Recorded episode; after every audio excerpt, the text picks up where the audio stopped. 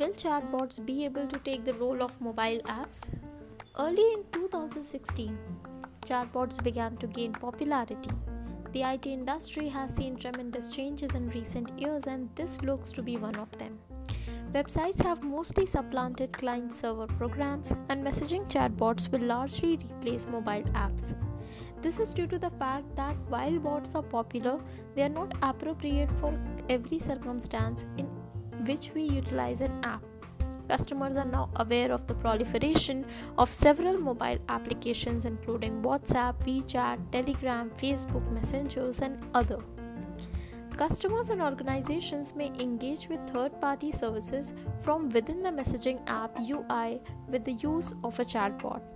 The reason we use any software program such as an app or a bot in the first place is an important aspect to keep in mind in most cases to complete a task.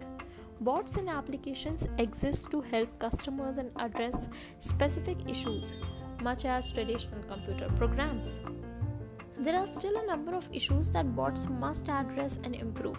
For example, they are offered to clients as a solution, yet there are times when they fail to deliver, leaving the customer stranded without a traditional option. Furthermore, it is unknown if bots will function correctly in the absence of an internet connection. There are a variety of instances in which chatbots appear to be difficult to use. Thus, the answer to whether chatbots will replace app rests somewhere in the center of utilizing both chatbots and application. When you consider all the benefits of chatbots and apps, it's clear that bots are valuable and significant advancement in technology. However, there are times when they can't adequately solve every problem that bots can.